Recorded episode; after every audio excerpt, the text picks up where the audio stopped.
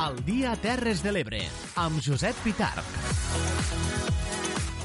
Molt bon dia, què tal? Dimecres 18 de desembre iniciem un dia més al Dia Terres de l'Ebre, aquest magazín informatiu que vostès poden seguir a través de sis dials, a través de sis emissores municipals de les nostres terres i que fem gràcies a la col·laboració al treball de cadascuna de les companyes i companys d'aquestes emissores, que són Teri Giner i Clara Seguí a la Plana Ràdio, Núria Mora, Clàudia Ruiz i Xavier Falcó a Ràdio Tortosa, Laia Oltra, Francesc Callau i Daniel Rodríguez a la Cala Ràdio, Judit Castells, Jonathan Valls a Ràdio Joventut, Eduard Carmona i Leonor Bertomeu a Ràdio Delta i Tomàs Ginestra, Jordi Galo i Manel Ramon a Amposta Ràdio.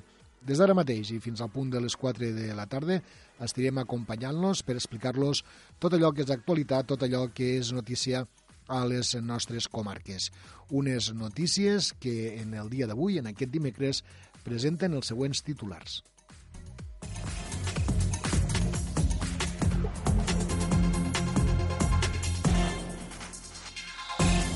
La casa d'acollida de Tortosa ha atès un miler de persones durant aquest 2019.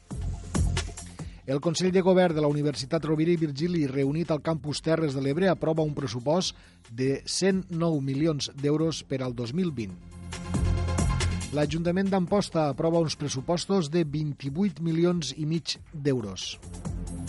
La demarcació de costes actua d'urgència sobre la barra de l'illa de Buda i la platja de Mijor al Delta de l'Ebre. L'Ajuntament de Santa Bàrbara segueix invertint en remodelació de carrers.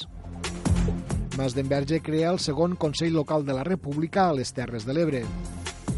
Santa Bàrbara ja supera els 8 milions de quilos d'olives recollides. Cridats més de 1.000 caleros al programa de detecció de càncer de colon. Es presenta la campanya solidària de Nadal a Amposta per comprar un vehicle adaptat per a l'associació APASA. L'empresa del Tapolet de Deltebre premiada per la Federació Europarc. I també destacarem que els músics són les primeres postres col·laboratives de quatre entitats agràries catalanes.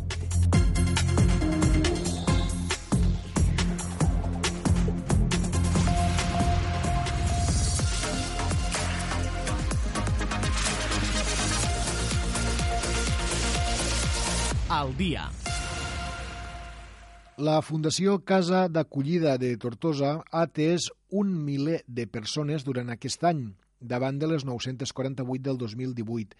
Unes dades que s'han donat a conèixer el dia que el Consell Comarcal del Baix Ebre ha anunciat també l'adequació de l'antiga estació de Camarles per a pisos d'emergència social. Ens ho explica en la següent crònica Clàudia Ruiz. Així és, de fet, enguany fins al mes de juny ja s'havien acollit en aquesta casa de Tortosa a 456 persones per passar la nit. La Fundació ofereix el servei des de l'any 1995 i han passat més de 20.000 transeunts des de llavors. A banda d'oferir sostre durant la nit, també faciliten altres serveis com els de dutxa, bugaderia, esmorzars o entrepans. Aquests serveis també el poden rebre veïns del barri amb pocs recursos. La responsable de la gestió de la casa, Sor Teresa Andrés, ha explicat el canvi de perfil de les persones ateses. Si hacemos el promedio es de 3, 4 diarios. Un día vendrán 8, otro día vendrán 2, otro día vendrán 5. Al principio pues eran todos, todos de nacionalidad española.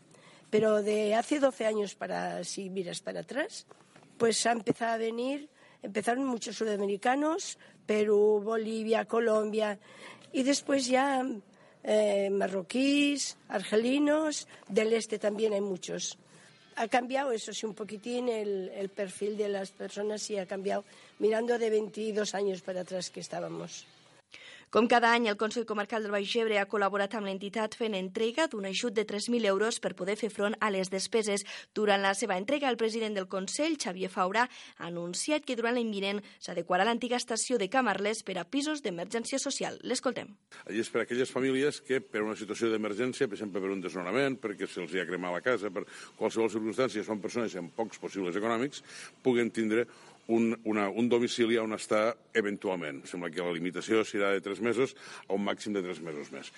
L'actuació s'inclou al pressupost comarcal de l'any que ve, que suposarà una inversió de 61.500 euros, 20.000 dels quals els aportarà la Diputació. Podran acollir fins a 12 persones empadronades a la comarca. L'ENS també hi destinarà per aquests pisos dos educadors socials.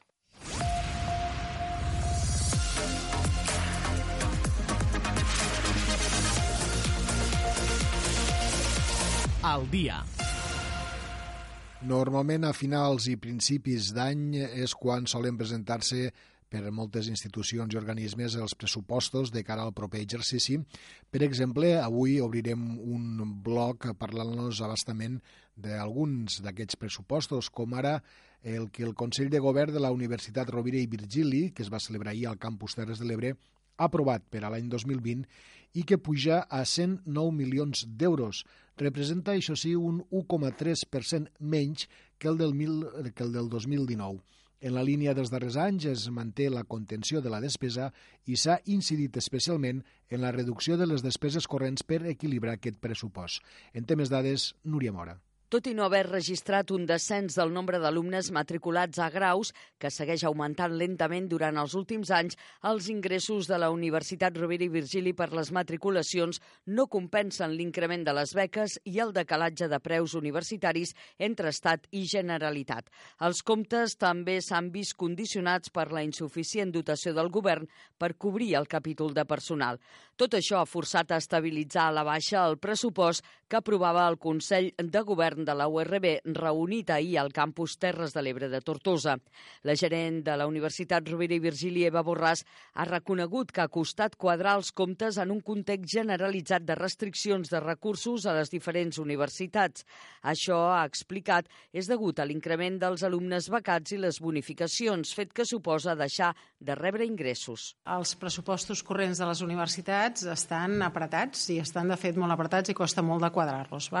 Llavors, eh, l'exercici que us presentaré, ara doncs, ha, ha costat. Ha costat una mica doncs, perquè comença a fer números no? i d'entrada surt un forat i aquest forat s'ha ajustant.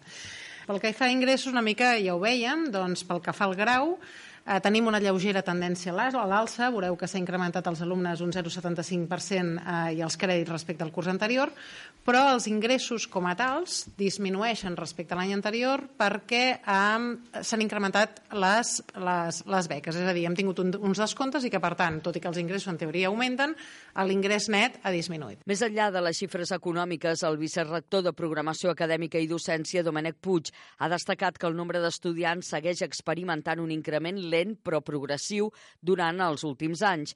Enguany són en total 11.448 alumnes a la URB. La majoria d'ells opten pels graus d'ADE, Dret, Medicina i Psicologia. L'oferta, reconeix Puig, s'ha estabilitzat els últims anys per la limitació de recursos i ha reclamat al govern més flexibilitat en els pressupostos perquè en campus com el de les Terres de l'Ebre es pugui créixer. Bé, estem en aquests números, no? el tombant de 3.000 i pocs estudiants nous de grau que entren a, a, a la URB cada any. Eh, una mica aquest és el, el, la, la capacitat d'absorció que tenim, malgrat que creiem que si, si en alguna ocasió els, els governs tenen, tenen a bé flexibilitzar els, els pressupostos, doncs podem ser capaços de tenir eh, més, més admissió d'estudiants. I, per exemple, aquí a les Terres de l'Ebre és un àmbit en el qual eh, nosaltres tenim ganes d'incrementar l'oferta, voldríem incrementar l'oferta i tenim idees per incrementar-la. Per tant, aquesta pujada diguem-ne de, de la demanda en primera opció i del nou accés, esperem que dintre d'una moderació, doncs, com, com no pot ser d'una altra manera, puguem eh, anar-la continuant mantenint. Pel que fa als estudis de màster, hi ha 1.112 estudiants de nou accés, l'11% més que l'any anterior i en els darrers cinc cursos la matrícula de màster ha tingut un creixement interanual mitjà del 7%. En els estudis de doctorat no s'arriben a cobrir totes les places, sinó fins al 74%. També s'ha produït una davallada del nombre de tesis defensades en comparació al curs 2013-2014, 186 aquell curs per 153 al 2014. 2018-2019. Gràcies, Núria. Encara parlant de pressupostos, explicarem que l'Ajuntament d'Amposta passarà a aprovació aquest proper divendres un pressupost de 28 milions i mig d'euros, 5 milions d'euros superior al de l'any 2019. Manel Ramon. L'equip de govern d'Amposta ha presentat la seva proposta de pressupostos per al 2020 que passaran a aprovació en el ple extraordinari d'aquest proper divendres. Els comptes pugen fins als 28 milions i mig d'euros, un 33% més que els d'enguany i s'haurien d'aprovar en el ple, com dèiem, d'aquest divendres on Esquerra Republicana, com saben, té majoria absoluta. L'alcalde de la ciutat, Adam Tomàs, ha explicat que l'increment s'explica perquè el 2018 van trencar la regla de la despesa i perquè s'han inclòs un préstec pont de 5 milions d'euros entre l'Ajuntament i Fusmon, la Fundació de Serveis Socials del Montsià, per a gestionar la residència de la gent gran.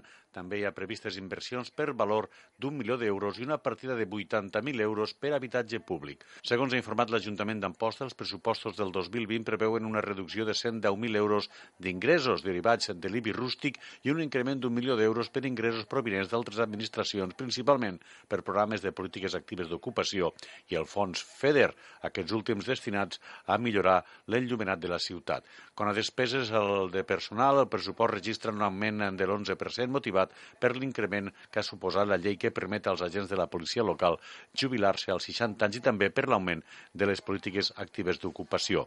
En matèria d'inversions destaquen 515.000 euros de la quarta fase de l'enllumenat que rebran, com dèiem abans, subvenció del fons FEDER, els 200.000 euros de substitució i millora del clavegram vinculats al Pla Únic d'Obres i Serveis de la Generalitat o els 96.000 euros per a la construcció d'un nou bloc de 130 nítxols al cementeri municipal. L'alcalde d'Amposta, Adam Tomàs, parlava d'aquests eh, pressupostos com uns eh, pressupostos adients per a la ciutat.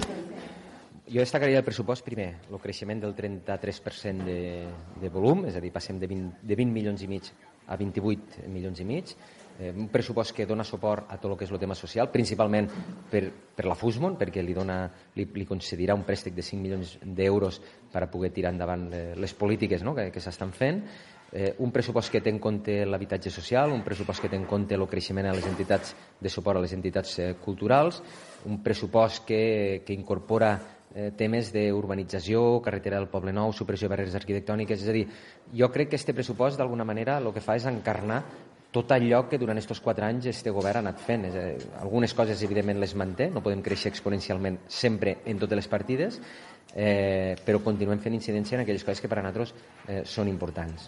L'Ajuntament d'Amposta, per tant, presentarà els pressupostos aquest eh, divendres eh, davant de la resta de grups que formen part de l'Ajuntament de la capital eh, del Montsià. Uns pressupostos que, com dèiem, aquest any augmenten un 33% i arriben als 28 milions i mig d'euros.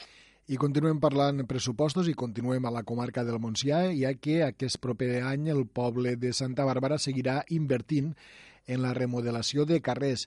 En total, la part més destacada del pressupost d'ingressos de, perdó, d'inversions se l'emportarà el carrer Aire i el carrer Indústria amb 360.000 euros. Teri Giner.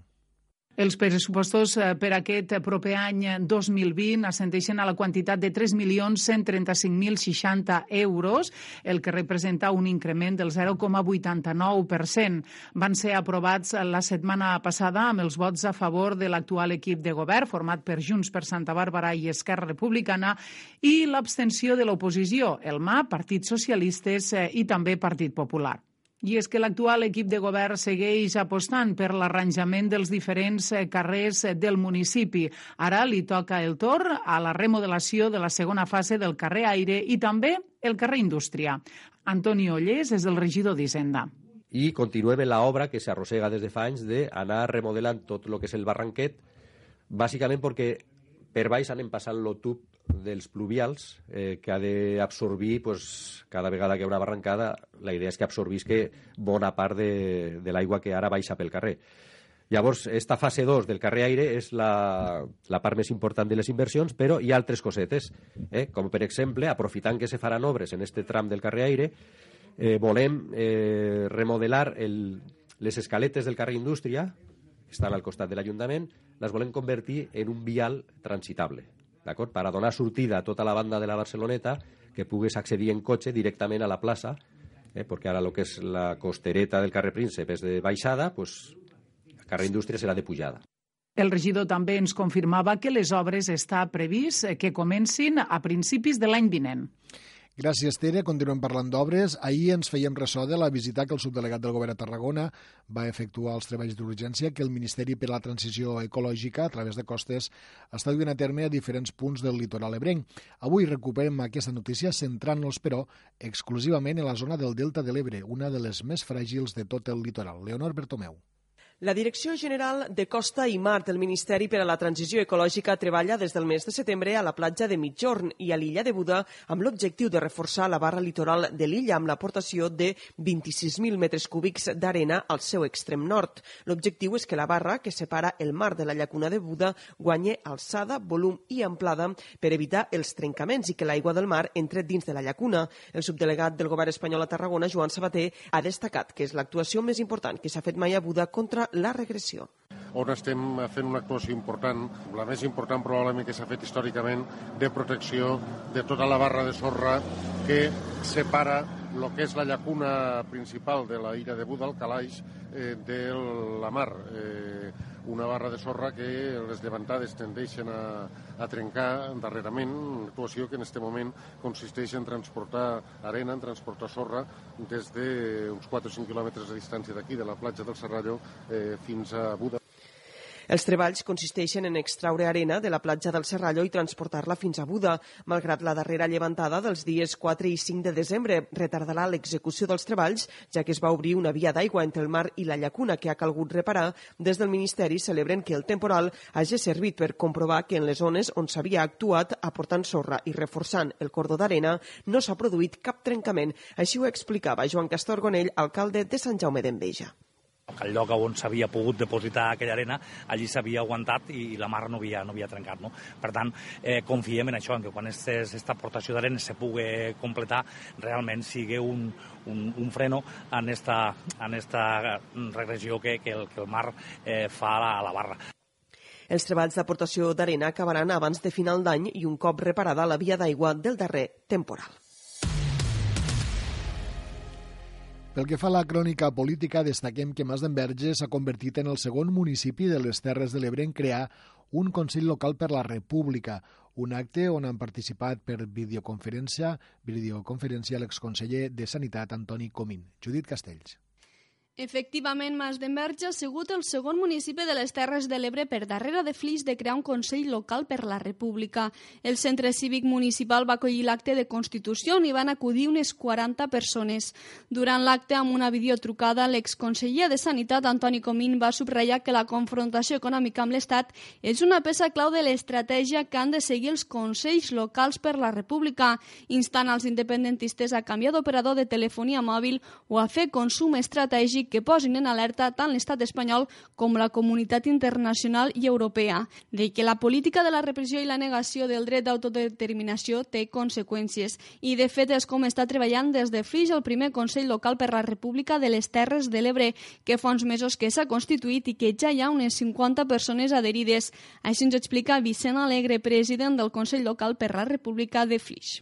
Els temes que estem impulsant des del Consell Local de la República Catalana de Flix són el tema del consum estratègic, eh, basat a que eh, les persones, els habitants, eh, canvien les, el seu consum a empreses no lligades al l'IBEX 35 i als grans, i als grans monopolis i que siguin empreses de, de proximitat i, i sobretot, sobretot que siguin catalanes i també estem impulsant associacions de consumidors eh, de cara a involucrar productors i, i consumidors en un procés de, de cara a que molta gent torni a treballar a la terra i, i, i aquest producte sigui repartit al propi territori. Durant l'acte també se va voler animar la població explicant que només fa dos anys, des del referèndum de l'1 d'octubre de 2017, que realment s'està lluitant per la independència.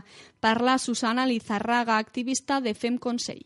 Sí que és veritat que la ciutadania de Catalunya té la sensació de que va començar a lluitar per la independència ja 2010-2012, però en ulls internacionals va ser a partir de l'any 2017 del referèndum de l'1 d'octubre. Anteriorment a això, era una qüestió molt interna, però ara ja després de tota la violència que es va viure per part de l'actuació policial el dia del referèndum, ja s'ha internacionalitzat, ja, ja no és una qüestió d'un debat intern sobre si Catalunya té dret o no a ser independent, i és una qüestió de drets humans Aquest nou Consell Local per la República l'ha promogut Jordi Romeva, el pare de l'exconseller Raül Romeva, que és mas d'Envergent resident des de fa uns anys. De moment l'han integrat 12 persones, entre les quals hi ha persones vinculades a l'Assemblea Nacional Catalana i també dos regidors de l'Ajuntament, Gerard Barberà, de Junts per Mas d'Enverge i Sònia Tomàs d'Esquerra Republicana. Els Consells Locals per la República, que han aprovat recentment un pla de govern, tenen la seva seu a Brussel·les i és un òrgan que depèn directament de l'expresident de la Generalitat, Carles Puigdemont, i que té l'objectiu d'internacionalitzar el procés. Parlem del camp. Santa Bàrbara ja supera els 8 milions de quilos d'olives recollides i s'espera que s'arribi fins i tot als 12 milions de quilos. El fort vent dels darrers dies ha intensificat la campanya a les dues cooperatives que hi ha a la població. Tere Giné. Efectivament, Josep, Santa Bàrbara té dues cooperatives, la Sant Gregori i l'Agrícola del Camp. Fins al moment, a la cooperativa Sant Gregori, la més petita, amb un total de 102 socis, ja porten entrats 600.000 quilos d'olives, segons eh, confirmava la nostra emissora Imma Regolf. Pel que fa a l'Agrícola del Camp, una de les més grans de les Terres de l'Ebre, amb 1.400 socis, ja ha superat els 7 milions de quilos d'olives, segons ens explicava el seu gerent, Lluís Cardona. L'escoltem. Respecte a les produccions, avui arribarem als 7 milions de quilos d'olives. La veritat és que està sent una gran, una gran campanya i l'únic hàndicap que tenim en guany, pues, bueno, seguint ja també la tònica que ja va començar fa un any i mig, és tema preus. Tema preus, sobretot els granels estan, està el mercat destrossat, o sigui, estem en uns llampants a un, en aquests moments a uns 60 euros el, el, el quilo i inclús verges extra eh, pues des dels 2,10 fins als 2,40 euros aproximadament tot el que és, això seria el que és el tema de l'engròs. L'any passat sempre va una mica detrás en tema preus, però bueno. A tot això encara queden pendents la recolecció del morrut, que habitualment es realitza durant els mesos de gener i febrer. Segons el gerent de l'agrícola del camp, tot indica que superaran els 12 milions de quilos d'olives. Gràcies, Tere. Doncs tres olis produïts a les Terres de l'Ebre han estat inclosos a la prestigiosa guia italiana Flosolei, l'equivalent en el món de l'oli a la guia Parker dels vins. En concret, s'ha inclòs tres extraverges de les Terres de l'Ebre, l'Aureum, sevillenc, de la cooperativa Sol d'Ebre de Tortosa, un oli monovarietat sevillenc de l'empresa Coll de l'Alba del Perelló i l'oli 100% arbequí d'Oleum Naturale de Rasquera. Per altra banda, i canviant totalment d'argument, explicarem que el CAP de la Mella de Mar ha posat en marxa una nova campanya del programa de detecció precoç de càncer de colon i recte. Més d'un miler de caleros seran cridats durant el primer semestre de l'any vinent a participar en el cibratge que serveix per detectar possibles casos el més ràpid possible. Francesc Callau. El programa s'ha adreçat tant a homes com a dones d'entre 50 i 69 anys. Les persones cridades rebran una carta al seu domicili entre els mesos de gener i maig. El director del CAP, Enric Bagrani, demana la màxima col·laboració en fer-se la prova perquè la detecció en fases inicials té més probabilitat de curació. Aquí a la, a, a la cala, des de l'última setmana de gener eh, fins a la primera de maig, cada setmana s'anirà enviant cartes a, a, a aquesta població diana. En total, s'avisaran, se, se, se citaran a més de mil persones d'aquí al poble. Eh, sí que fem una crida i, i, i quasi demanem per favor que tota aquella gent que rebi aquesta carta se dirigisca al CAP, perquè llavors allí se'ls donarà un kit de recollida de la mostra, senzill, no invasiu, la prova consisteix en obtenir una petita mostra de la femta que s'analitzarà per detectar si conté sang que no es veu a simple vista. El càncer de colon i recte és el més freqüent en dos sexes a Catalunya i també a les Terres de l'Ebre. De fet, cada any es diagnostiquen més de 700 casos nous a la demarcació. La campanya solidària de Nadal, impulsada per la Federació del Comerç d'Amposta, Bancaixa i l'Ajuntament, destinaran els fons recaptats eh, per a l'adquisició d'un vehicle adaptat per al centre a Passa. Manel Ramon. Doncs efectivament ha tingut lloc a la sala de premsa de l'Ajuntament d'Amposta la presentació de la campanya Nadal Solidari, una iniciativa proposada per Bancaixa amb la col·laboració de la Federació de Comerç d'Amposta i amb el suport de l'Ajuntament de la capital del Montsià. De totes les compres que realitzaran durant el període de Nadal, els comerços d'Amposta adherits a la campanya Bancaixa donarà un euro per cada 30. També doncs, es podran fer donacions eh, quan es vulgui a l'hora de pagar amb la targeta per tal de participar en aquesta campanya solidària, els beneficis de la qual seran doncs, destinats a l'adquisició d'un nou vehicle adaptat per a aquesta associació anomenada APASA. Així ho explicava el gerent d'aquesta entitat, Ignasi Montllau. De manera, aquí avui la idea ha sigut esta, esta campanya que ens ha proposat la CaixaBank de Nadal Solidari, d'alguna manera eh, implicant també a la Federació de Comerç i als comerços d'Amposta, on el eh, que farà és que la gent que hagi, faci compres eh, a partir de 30 euros, eh, Bancaixa el que farà és eh, donar-nos un euro a, a la entitat per a un projecte important que tenim de cara a l'any que ve. Tenim molts projectes, però un que és un tema important, que és la compra d'un vehicle adaptat, que són vehicles que valen molts diners i que d'alguna manera hem de buscar, hem de buscar recursos. De donar les gràcies, per suposat, a, a CaixaBank per la, perquè sempre, sempre ha estat de cara, de cara a nosaltres, de cara als projectes que hem tingut, ens ha donat suport en moltes coses i també, com no, a la Federació de Comerç, perquè també des de fa molts anys que col·labora directament doncs aquesta serà la campanya solidària a favor de APASA, aquesta entitat modèlica de la capital del Montsià que dona servei a la comarca d'assistència en aquelles persones amb discapacitats i necessitat d'educació especial. Gràcies, Manel. Canviem totalment d'argument. L'empresa Delta Polet, Natura i Sabés, de Deltebre, ha guanyat el Premi Contribució a la Conservació que organitza la Federació Europarc. Ens ho explica Leonor Bertomeu. L'empresa Delta Polet Natura i Sabers de Deltebre ha guanyat el Premi Contribució a la Conservació en els Star Awards que organitza la Federació Europarc. Els premis van ser entregats en la sessió de la Charter Award Ceremony 2019 a Brussel·les i s'ha premiat a l'empresa de guiatges turístics per la seva contribució a la protecció del patrimoni natural i cultural i per fomentar el turisme sostenible, reduint impactes ambientals. L'empresa va rebre el premi entre 3.000 empreses aspirants. Josep Bertomeu, de Delta Delta Polet explica la filosofia de l'empresa. De fet, la, la idea de la nostra empresa, la, la, com a producte turístic, podríem dir, uh -huh. sempre ha sigut la, la conservació dels espais naturals i la divulgació de la cultura popular, però com a filosofia d'empresa. O sigui, nosaltres durant les nostres visites fem molt d'incapeu precisament en aquests aspectes, en la necessitat de conservar tant el medi com la cultura local. I hem de parlar tot seguit d'una altra empresa de les nostres terres, unes postres de mató, mel i fruits secs. Són, ja ho saben, els músics, que elaboraran a partir d'ara quatre entitats agràries de Catalunya, entre elles la pícola perellonenca Mel Múria. Al Perelló, precisament, van presentar ahir a la tarda aquest primer producte col·laboratiu que vol potenciar el sector primari del país. Francesc Callau. Les cooperatives Llet Nostra i Infrusec i les empreses Masacs i Múria han unit esforços per potenciar la producció pròpia amb els músics, una reinterpretació de les tradicionals postres de músic que combinen els fruits secs amb el mató i la mel.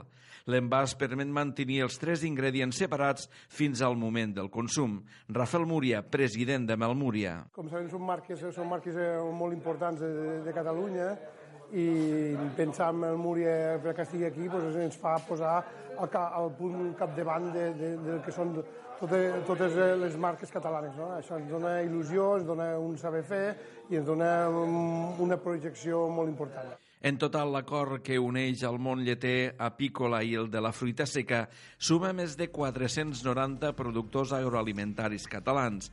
De fet, els músics es podran comprar en les agrobotigues de la Federació de Cooperatives Agràries de Catalunya, així com en establiments i supermercats que aposten per la proximitat i els productes de quilòmetre zero.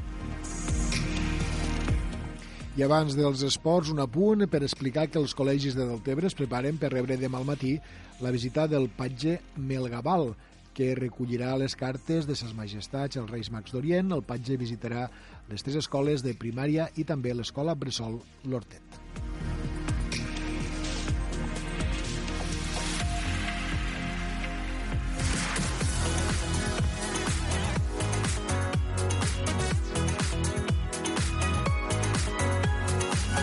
a Terres de l'Ebre, amb Josep Pitarc.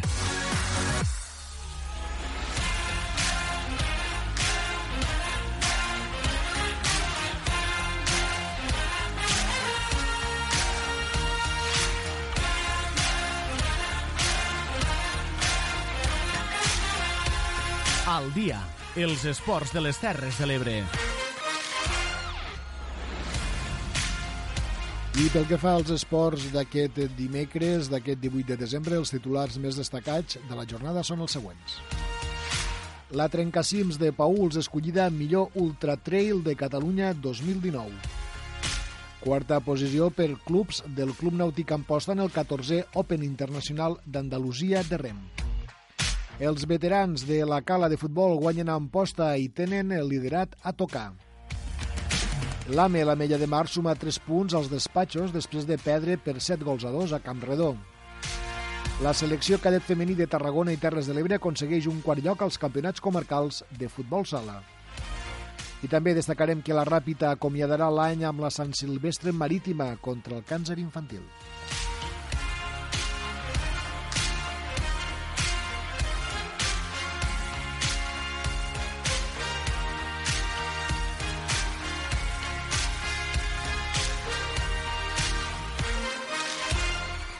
Començarem parlant, en aquest cas, de la Trencacims de Pauls, que ha estat escollida per votació popular com la millor ultratrail de Catalunya de tot l'any 2019. Núria Mora. La prova abrenca ha rebut fins a 703 vots de corredors i corredores que han donat la seva opinió sobre cada una de les proves que es disputen a Catalunya a través del grup de Facebook Ultras Catalunya, en què s'han valorat aspectes com l'organització, el recorregut, la senyalització o els avituallaments. La Trencacims de Pauls ha ratllat l'excel·lència en cadascun dels paràmetres que s'han valorat i el major coeficient en el total de vots ha decantat la balança al seu favor. La prova abrenca aconsegueix el màxim reconeixement reconeixement per part dels corredors i assuma el podi d'honor que des de la constitució d'aquest premi al 2015 només havien guanyat la Rial Matxicots el 2015 i el 2018 i la Trail del Bissaura el 2016 i el 2017. Per al 2020, la Trencacims de Pauls dona un pas més enllà i presenta novetats importants amb un salt qualitatiu en el seu format i que traurà corredors a nivell nacional i internacional.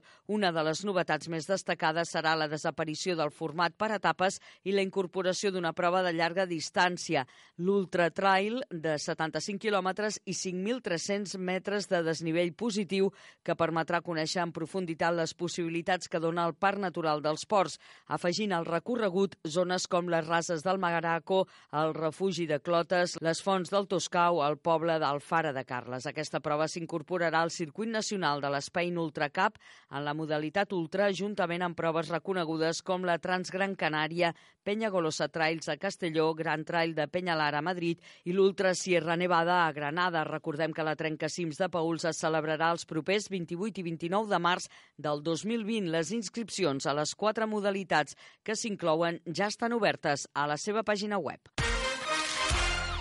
Passem ara al rem, quarta posició per clubs del Club Nàutic Amposta en el 14è Open Internacional d'Andalusia d'aquest esport de rem. Tomàs Ginestra. El centre especialitzat d'alt rendiment de l'illa de la Cartoixa a Sevilla va acollir aquest passat cap de setmana la 14a edició de l'Open Internacional d'Andalusia de Rem amb la presència de 1.150 tripulacions i 820 participants pertanyents a clubs d'arreu d'Europa. El Club Nàutic Amposta aconseguia la quarta posició per clubs en aquest Open Internacional d'Andalusia amb la presència de 37 clubs d'arreu d'Europa. El Club Nàutic Amposta va participar en les categories cadet, juvenil i sènior.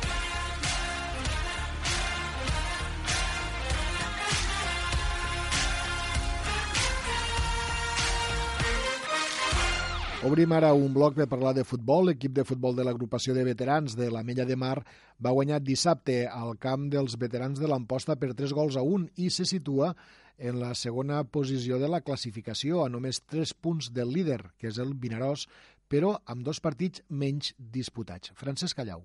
Els veterans caleros van assolir una nova victòria de prestigi al camp de l'Amposta. Es van avançar en el marcador amb un gol de Javi Margalef, tot i que posteriorment empatarien els ampostins. Els de la Mella de Mar van estar molt ben posicionats al camp i en una contra de Mamadou, Pau va poder agafar el rebuig del porter ampostí per avançar els caleros en el marcador.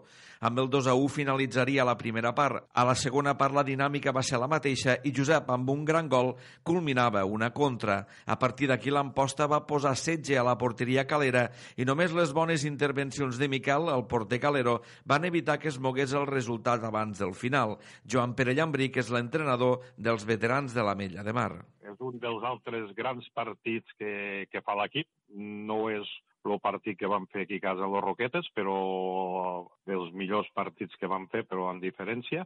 I, a més a més, també en totes les circumstàncies, com anava l'equip i tot això, amb moltes baixes, baixes importants. Teníem dos canvis, només en el, en el porter reserva eren dos canvis, i també en una circumstància que a la mitja part teníem que fer un canvi obligat, que Genismo se'n tenia que anar. Vam jugar com se tenia que jugar, amb moltes ganes i tot això, vull dir, i han acabat. Pues, vull dir, el resultat representa que vull dir, 1 a 3 va ser un partit fàcil, va ser un partit molt treballat per tot l'equip. Amb aquesta victòria, els de la Mella de Mar se situen a la segona posició amb 15 punts, a només 3 punts dels 18 del Vinaròs com a líder, però amb dos partits menys disputats. Ara la competició s'atura fins al 28 de desembre per a disputa aquest cap de setmana de la Supercopa entre l'Alcanà, campió de Lliga, i el Roquetenc, campió de Copa. Els caleros avançaran la jornada del 28 al pròxim diumenge 21. Si els de la Mella de Mar guanyen els veterans de l'Aldea, marxaran líders a la pausa de Nadal. Parlem ara de futbol sala. 14 jugadores de les Terres de l'Ebre i 4 tècnics han format part dels combinats de Tarragona i de les Terres de l'Ebre de futbol sala, segons ens explica Clara Seguí. Segons informa el Setmanari de l'Ebre, Blanes va acollir la novena edició dels campionats comarcals de futbol sala que van disputar-se durant el passat cap de setmana i que van comptar amb la participació d'un total de 14 jugadors i jugadores de les Terres de l'Ebre que van competir amb les diferents seleccions representants de Tarragona i Terres de l'Ebre i van comptar amb quatre monitors de diferents equips de futbol sala del territori. Jesús Moya del Club Futbol Sala Tortosa i Jairo Fraile i Adrián Gualpa del Futsal Experience Amposta van formar part del combinat cadet on hi havia el tècnic Aitor Vega del Futbol Sala Amposta com a tercer entrenador. Didac Bonet del Futsal Experience Amposta i Jack Roca i Unai Vizcarro del Futbol Sala Amposta hi van ser presents amb el combinat infantil, mentre que Jan Cabanes del Futbol Sala Amposta va ser l'únic jugador a l'EVIP seleccionat per Tarragona Terres de l'Ebre. A la categoria Benjamí Williams Stewart del Futsal Experience Amposta i Pedro Juan Salvador i Nagore Sanz del Futbol Sala Amposta també van formar part de la selecció.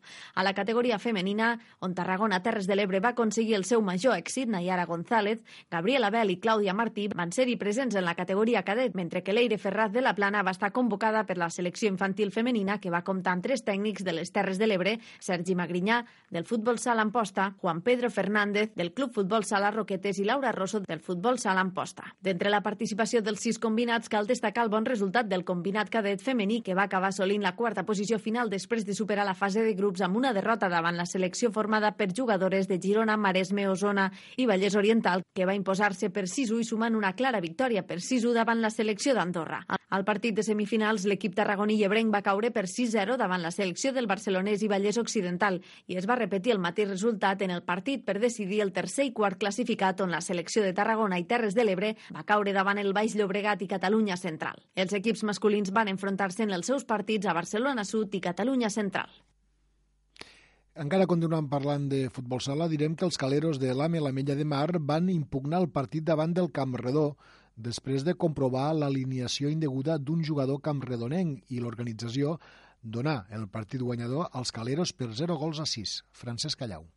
L'equip calero va perdre 7 a 2 a la pista del Camp Redó. Els de la Mella de Mar i el Camp Redó van protagonitzar una primera part molt igualada que va finalitzar amb empat a un gol.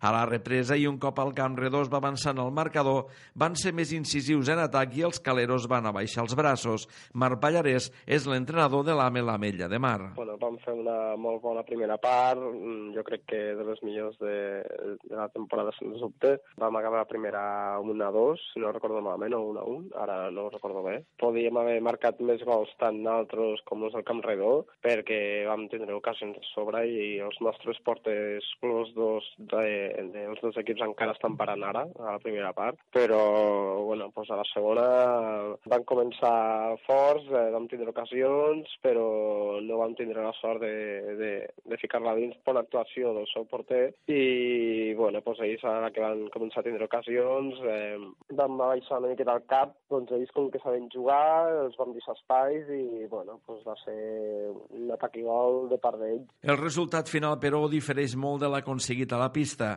Els de la Mella de Mar van comprovar que entre els jugadors alineats pel camp redó hi figurava un jugador sancionat. Un cop posat el fet en coneixement de l'organització, aquesta va donar la victòria als caleros per 0 gols a 6. Amb aquests 3 punts, els de la Mella de Mar pugen a la setena posició de la classificació amb 15 punts. Per la seva part, l'altre equip de la Mella de Mar, l'Ame Bull Boys, va caure derrotat per 15 gols a 3 a la pista del líder, el Golafre City de Tortosa. Amb aquesta derrota, els de la Mella de Mar baixen a la desena posició amb 14 punts. Ara la competició s'atura fins al dia 11 de gener, tot i que el 28 de desembre dos combinats dels equips de la Lliga disputaran un partit benèfic a Tortosa. I acabarem els esports parlant de natació. Torna a la Sant Silvestre Marítima per acomiadar el 2019 a la badia dels Alfacs, nedant, en, també en windsurf, en kayak o en paddle surf. El recorregut se pot fer de diverses maneres, però amb un únic objectiu, que és acomiadar l'any i recaudar diners per al càncer infantil. Judit Castells. La Badia dels Alfacs tornarà a ser el lloc de referència per acomiadar l'any el pròxim diumenge 29 de desembre.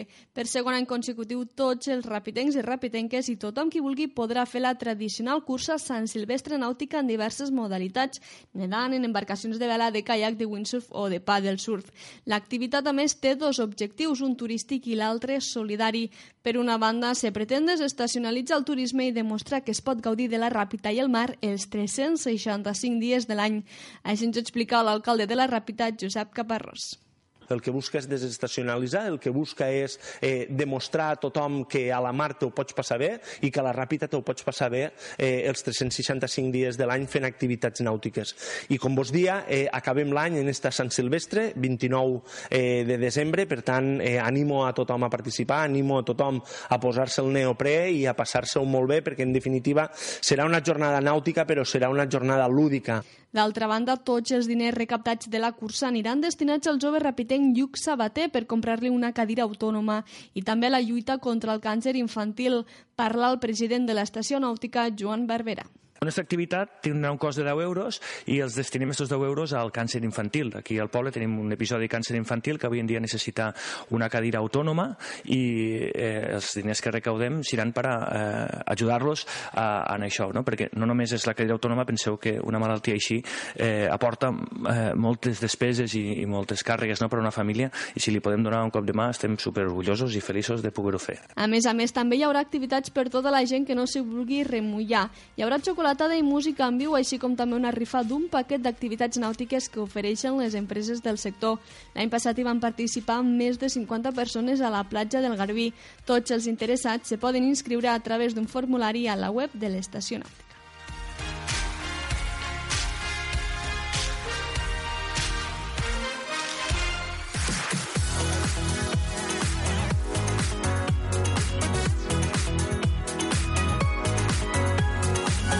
A Terres de l'Ebre, amb Josep Pitarc.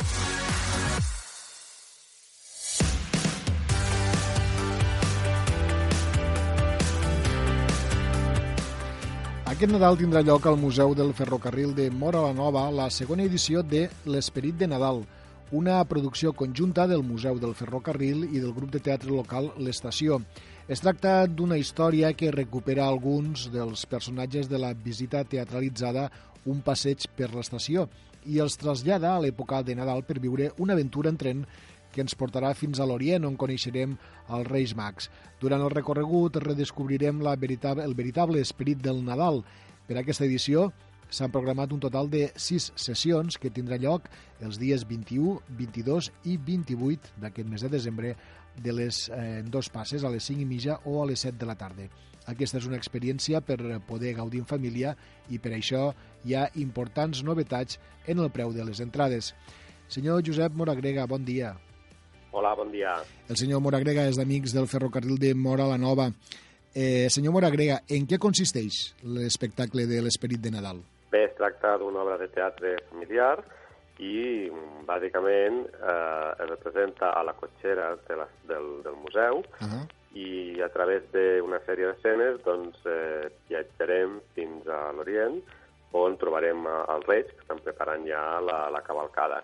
És un espectacle únic a tot Catalunya, perquè jo diria que no n'hi ha cap més que una part de l'espectacle tingui lloc amb un tren real en, en moviment, amb un desplaçament. Ah, anirà en marxa el tren. Correcte, correcte. El tren es desplaça per dintre de les instal·lacions del, del museu. Uh -huh. A més, fem un recorregut eh, més llarg del que vam fer l'any passat, perquè l'any passat va ser una mica una experiència de prova, uh -huh. que va anar molt bé, i enguany hem, hem allargat el, el recorregut que fem per dintre de les instal·lacions de, del museu. Per tant, com us dic, és un espectacle de, de valors eh, nadalencs i un espectacle que, que és únic. Per tant, eh, me diu que l'any passat ja va ser una primera edició, enguany és la segona eh, una segona que és la de la consolidació, podríem dir, no? Bé, això esperem. Esperem que repetir l'interès que vam despertar l'any passat, ampliar-lo, si és possible, i que sigui a partir d'ara una de les activitats fixes que fem al museu cada any com a esdeveniment nadalenc. Uh -huh. Diem que les dates són 21 i 22, és a dir, aquest, aquest mateix dissabte, aquest mateix diumenge, i el dia 28, dissabte de la setmana vinent, en dos passis, un a les 5 i mitja de la tarda i un a les 7. Per tant, tenim amplitud d'horaris i també de dies.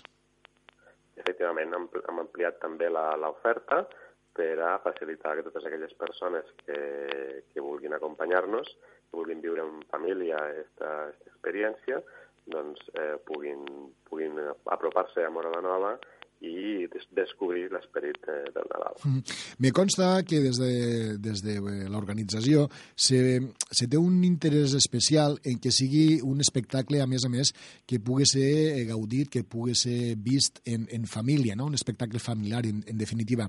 Clar, eh, un dels problemes que ens trobem quan, per exemple, has d'anar una família a un espectacle és que, bueno, si són 3, 4, 5 persones, eh, no ens enganyéssim, per molt assequibles que siguin les entrades, sempre el preu de les entrades sempre és un hàndicap, no? I vostès per això han, han apostat per una solució. Sí, això és una reflexió que vam fer al tancar la campanya de l'any passat.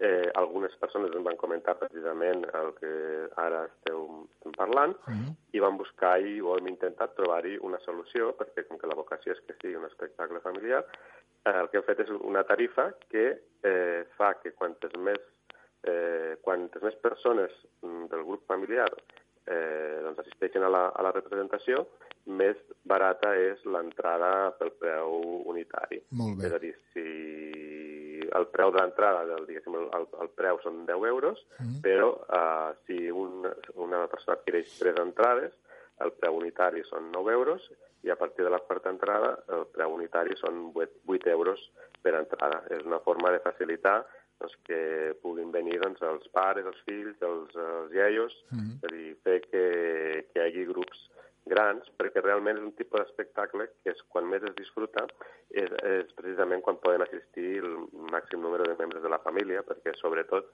eh, doncs els adults disfruten per l'espectacle, però disfruten sobretot veient com els xiquets i xiquetes doncs, s'ho passen, passen bomba i es queden una miqueta doncs, meravellats amb, amb, el que, amb l'experiència que estan vivint. No? Challenge, no? Sí. Eh, bé, és una ocasió per a veure com gaudeixen els més menuts, com gaudeix tota la família, també, com ara estava explicant vostè, eh, també és una oportunitat eh, per a pujar a, a, al vagó d'un tren històric, podem dir, i, i viatjar, encara que sigui d'una manera eh, d'una manera en esperit, eh, en aquest esperit de, de, de, de Nadal.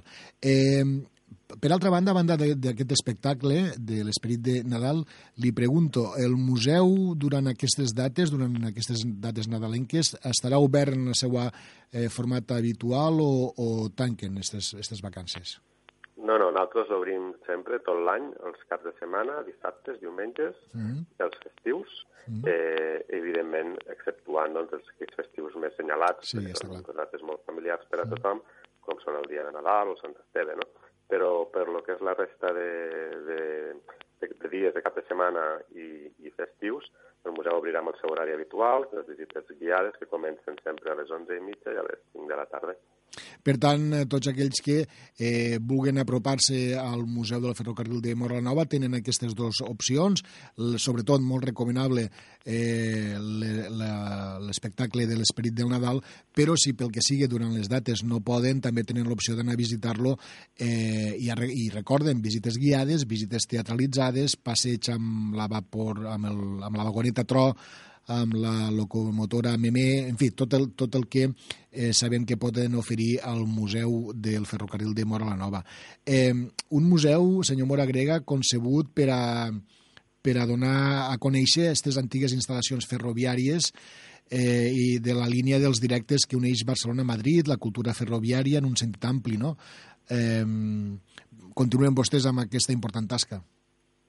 Efectivament, el, el museu eh, té aquesta vocació. D'una banda, té un, un, una voluntat d'explicar la història local del ferrocarril a, a Mora la Nova, que va ser la, la principal activitat econòmica de, del municipi. Mm -hmm. Això, evidentment, ara ja, ja no és així, però expliquem una miqueta doncs, tot, tot, des de l'arribada fins al punt més àlgic, fins a, a com hem arribat a la situació actual, però també volem explicar el que és la importància del ferrocarril a, a la nostra comarca, a, al territori i també eh, el ferrocarril en si i les oportunitats de futur que ens ofereix, eh, bueno, sobretot en, en qüestions tan, tan d'actualitat com és el canvi climàtic. No? Mm. Eh, la nostra associació està formada per persones apassionades pel ferrocarril i el volem explicar des de, des de tots els punts de vista. Molt bé. Eh, tenen dades de, de l'assistència per temporades al, al museu? Bé, enguany encara no, no l'hem tancat l'estadística, mm. però eh, els últims anys hem vingut vivint un procés de, de creixement. Des de fa uns, uns tres anys hem pràcticament hem més que doblat el número de, de, de visitants. Mm eh, a veure enguany com, com anirà l'estadística, però sí que les primeres estimacions ens diuen que estarem una miqueta per sobre també de, de les dades de l'any passat, per tant, eh, esperem també anar, anar millorant a poc a poc la, el, el coneixement no, de, les, de les nostres instal·lacions. Així ho esperem, senyor Moragrega. Esperem també que aquest espectacle, que justament és aquest cap de setmana i el dissabte vinent, l'esperit del Nadal, sigui tot un èxit. I agraïm moltíssim que hagi la nostra trucada. Moltes gràcies i bones festes a tots. Bones festes.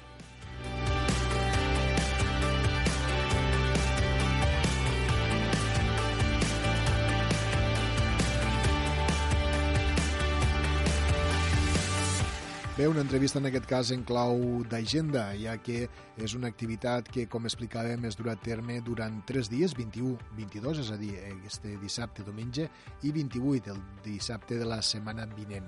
En eh, aquesta entrevista hem arribat al final de la primera hora del nostre programa.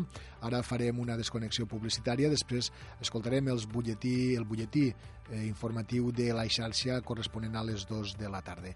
Nosaltres tornem en tota, encara en totes les seccions amb molta més actualitat de les nostres terres a partir de les 2 i 4 minuts. Així és que, si ens volen acompanyar, a través eh, de qualsevol dels sis dials de les emissores municipals que fem este programa, recorden, tornem a estar tots vostès en, eh, en un temps molt breu.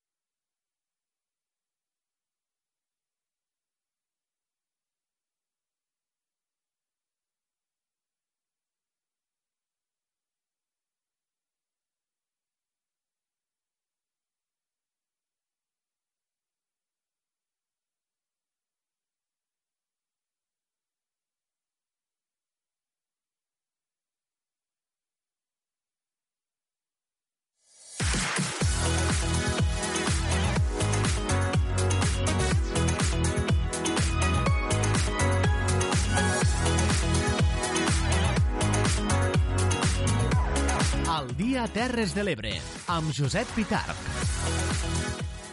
4 minuts sobre el punt de les 2 és l'hora de reemprendre el nostre espai, el Dia Terres de l'Ebre, aquest magazín informatiu que vostès poden sintonitzar a través de la Plana Ràdio de Santa Bàrbara, de Ràdio Tortosa, a través també de la Cala Ràdio de la Mella de Mar, de Ràdio Joventut de Mas d'Enverge, de Ràdio Delta de Deltebre o també d'Amposta Ràdio. El que fem en aquesta segona hora, ja ho saben, és eh, buscar aquelles efemèrides eh, que tria la nostra companya Maria Barberà avui per a recordar-nos què va passar tal dia com avui d'un 18 de desembre.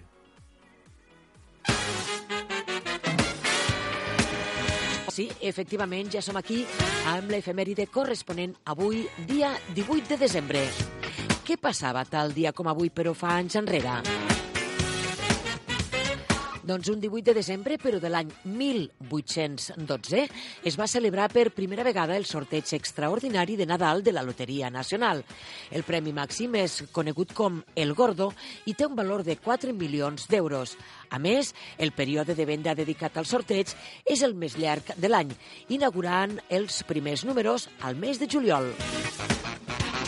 Molt temps després, al 2010, a Tunísia, van començar les protestes antiguvernamentals que van motivar a la primavera àrab. Aquest famós moviment va començar quan un venedor ambulant va ser despullat de la seva mercaderia i en resposta es va involar com a forma de protesta. Les manifestacions van ser imitades a la resta del món àrab i es van estendre fins al 2012. Al 1913, el Consell de Ministres espanyol aprova el projecte de llei de Mancomunitats. Al 1979 entra en vigor el segon Estatut d'Autonomia de Catalunya. Al 1981, aprovació del model oficial del nou escut d'Espanya però també passava al món. Al 1958, als Estats Units llança el satèl·lit SCOR, considerat el primer satèl·lit de comunicacions de la història. Al 1987 surt a la venda el primer capítol de la mítica saga de videojocs Final Fantasy per NES. Al 1989, la Unió Europea i Unió Soviètica signen un tractat de cooperació econòmica. I al 1997, Japó inaugura l'autopista sota el mar més llarga del món que uneix l'abadia de Tòquio. I fins aquí ha estat la nostra efemèride corresponent avui dia 18 de desembre. Abans, però, avui dia 18 de desembre celebra el Dia Internacional del Migrant i el Dia Mundial de la Llengua Àrab. Fins la propera. Bon dia a tothom. Adéu-siau.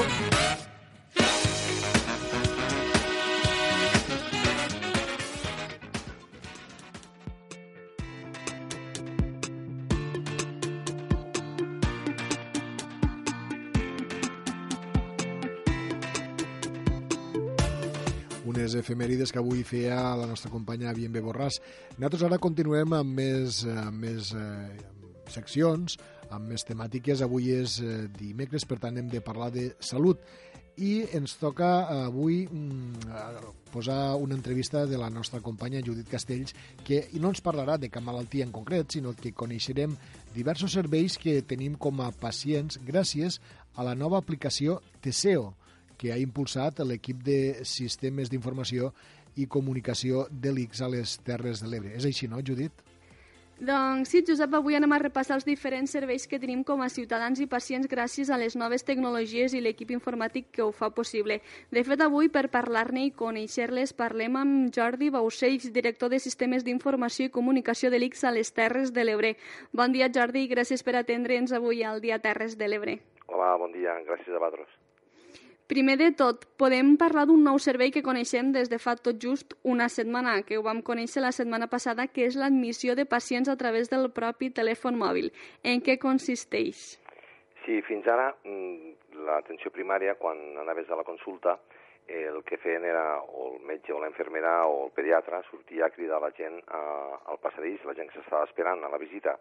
El que han fet és un sistema que l'han posat en pilot al Cap Lamella, però que segurament que farem extensiu a la resta de centres eh, durant els dos, dos, tres anys que venen, que és que l'usuari, quan entra al, al centre, eh, fa l'admissió, agarra en la targeta va una màquina i la màquina dona un tiquet, que és un número anònim, i en el qual ho dirigeix ja a la sala d'espera on l'han de cridar. el metge des de dins de la pantalla de, de l'ordinador, on té l'aplicació que utilitza habitualment de la història clínica del pacient, pot cridar directament als usuaris i, i en unes teles repartides per la sala d'espera que el que fan és criden a l'usuari en el codi eh, que té el tiquet que ha, que ha imprès. D'esta manera, d'alguna manera, el que fem és eh, anonimitzar la crida dels pacients, que diguéssim que seria l'objectiu primer, que és que l'usuari eh, no se'l crida pel nom, sinó que se'l crida per un número i automàticament i que pugui entrar a la consulta. És cert que té més avantatges, que té l'avantatge que el metge no s'ha d'aixecar i cridar cada vegada a l'usuari, és cert que també genera menys soroll a la sala d'espera i bueno, que, és, que, diguéssim que és positiu per a tothom.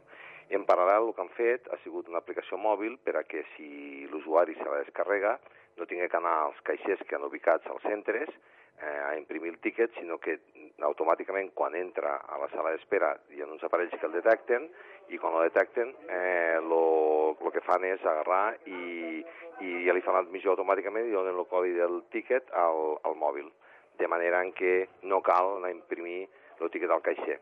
És cert que també això és en paral·lel ni, no és incompatible, és a dir, la gent gran, per exemple, que potser és més, menys pro, propensa a tindre una aplicació mòbil, eh, ho pot fer directament eh, al caixer igualment.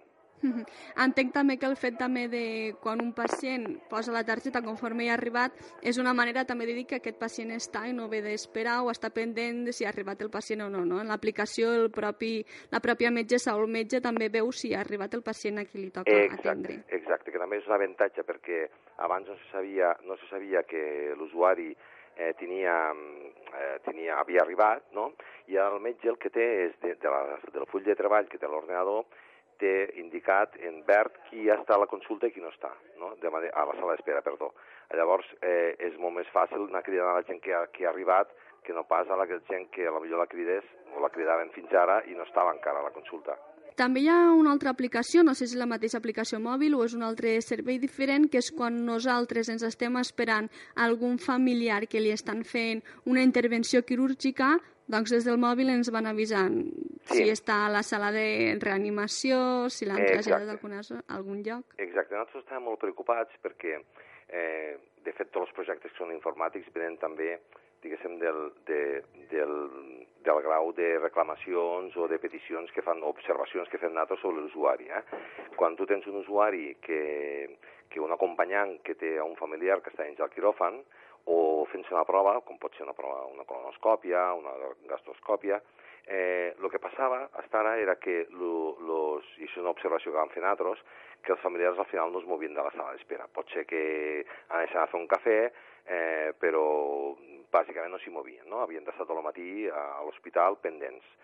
És cert també que a vegades dies que una intervenció quirúrgica durava dues hores i perquè siguin en dos i mitja, no? Esta mitja hora final, eh, això eh, a, a, a l'acompanyant li creava una mica de tensió, perquè al final dia, home, m'han dit dues hores, han passat dues hores i quart, no? Lo típic, no? I llavors agarrant el metge quan sortia, eh, escolta que tinc com va l'operació, no? Hi havia molta distorsió, molta gent a la sala d'espera. En aquesta aplicació el que fem és eh, tan pronto un usuari entra dins el quiròfano, tots els passos que hi ha, que n'hi ha cinc, els més grans, eh? no, tampoc, tampoc, tampoc no, anem, no anem al detall, eh? Mm. però sí que és veritat que l'estem informant per unes pantalles que a la sala d'espera, estem informant de que uh, l'usuari ha entrat, que està a reanimació, que ha acabat, no? anem, anem informant de tots els passos. Hasta ara això ho fem només a les, teles, a les televisions a la sala d'espera. Eh, però ara també amb, amb la mateixa aplicació mòbil que l'anterior aquest dia, també hi ha un botó que tu pots ficar el número de tiquet que tens del teu, de la, del, del pacient que està dins i tu com a acompanyant te'n pots anar tranquil·lament perquè cada canvi d'estat te l'anirem enviant al mòbil i t'anirem dient, mira, ara ja ha sortit, ara ja està a punt. Inclús podem enviar al mòbil també una crida al metge. Imagina't que el metge diu, vull parlar amb els familiars, no? Mm. Pues en compte de buscar-lo, anar a la sala d'espera i cridar-lo a viva veu, no? Pacients de... acompanyants del pacient tal, ara s'envia un missatge directament al mòbil i es diu, eh, o al mòbil o a la pantalla, eh? i se diu, pues passi per aquí, per aquesta sala o en aquest despatx, no? En el qual també es guanya molt en anonimitzar els pacients que han, perquè si no tothom de la sala d'espera, diguéssim, que sap que hi ha unes persones i un nom i cognoms que estan dins, no? I també dona molta més tranquil·litat al, al, a l'acompanyant, perquè, jo què sé, se'n pot anar a fer un cafè o pot en un moment donat, si és una operació llarga, pues, anar-se'n a, a comprar i tornar a pujar, sapiguent que en tot moment estarem informant al mòbil d'en quina situació està passant eh, lo familiar per l'àrea quirúrgica o l'àrea de, de digestiu per a fer proves com colonoscòpia, gastroscòpies, coses així. En aquest cas se necessita una aplicació o no? És la mateixa aplicació. Ah, vale, la mateixa de... I vale. és, és el mateix que abans, eh? És a dir, si no tens l'aplicació, tu sempre tens unes pantalles distribuïdes per, per alguns llocs que van informant que aquell número de pacient, que només ho saps tu, perquè ets tu que tens el tiquet, eh, que aquell número de pacient està en aquell estat. És a dir, doncs, també ho fem, sempre ho fem duplicat, bàsicament perquè no tothom té aplicacions mòbils. Clar. No? Però bueno, també és veritat que a la sala d'espera ja han ficat un codi QR, és molt senzill, no? Eh, al final apropes el mòbil, te descarregues l'aplicació i te la instal·les. Actualment eh, tenim, estem sobre el 20% de gent que s'ha descarregat l'aplicació i que la utilitza. És cert que això anirà creixent, però que no podem, fins que no tinguéssim clar, no deixarem de donar aquesta informació per pantalles perquè hi ha molta gent gran que, que el que fa és al final igualment no està a la sala d'espera, com a mínim donem la tranquil·litat de que com que hi ha cinc passos, que ell pot anar, per exemple, a fer un cafè i tornar a vindre, que no hi ha cap problema, no? I que si el metge la crida, que no, es- que no es preocupe perquè la, la, la cridarà per la pantalla. Molt bé. Hi ha algun altre servei que, o, o alguna altra informació que ens pugui facilitar aquesta aplicació? Bueno, l'aplicació eh, mòbil té a part, hem aprofitat per a donar altres, eh, altres funcionalitats, eh? però són funcionalitats bàsicament d'informació, és a dir, el que són aplicacions en si mateix, que és l'aplicació eh, que et dia ara quiròfano digestiu, més l'aplicació de l'admissió eh, tan pront entres o a l'hospital o als centres d'atenció primària que ho implantarem, la resta són, és la típica aplicació que et dona informació sobre horaris, dona informació sobre, sobre coses així, eh? Molt bé, perfecte. Llavors, després, paral·lelament aquí, tenim un altre servei, que seria el servei de la meva salut, que en aquest cas també es podria fer a través de mòbil o també a través de la pàgina web, però aquí sí que els pacients, les persones, s'haurien d'adreçar al, al CAP, al centre de- d'atenció primària, perquè li, dongués, li donessin una contrasenya i un usuari, que d'això n'han parlat també en, aquest, en Exacte. aquesta secció. Exacte, és, és una altra aplicació, el que passa que aquesta aplicació depèn del Departament de Salut, eh, diguéssim que no és desenvolupada per nosaltres, però és una aplicació que el que et permet és accedir a la teva història clínica. Nosaltres partim de la base de que la història clínica és del pacient, eh, no és nostra, per tant el pacient de poder accedir a la història clínica a veure analítiques, l'última prova que s'ha fet, radiologia, no?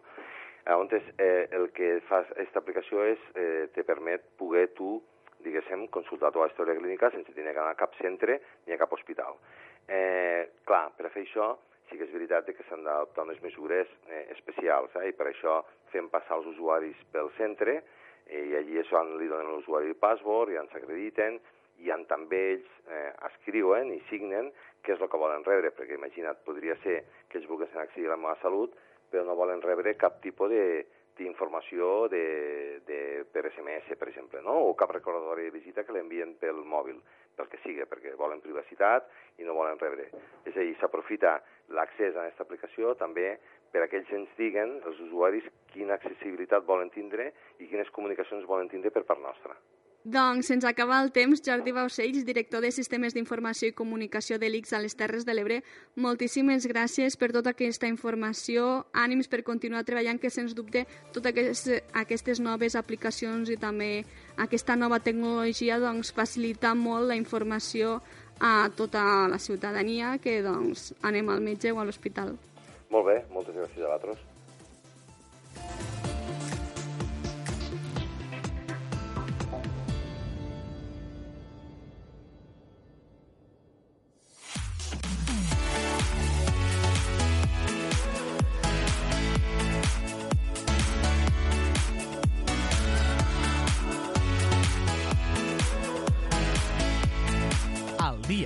L'agenda de les Terres de l'Ebre.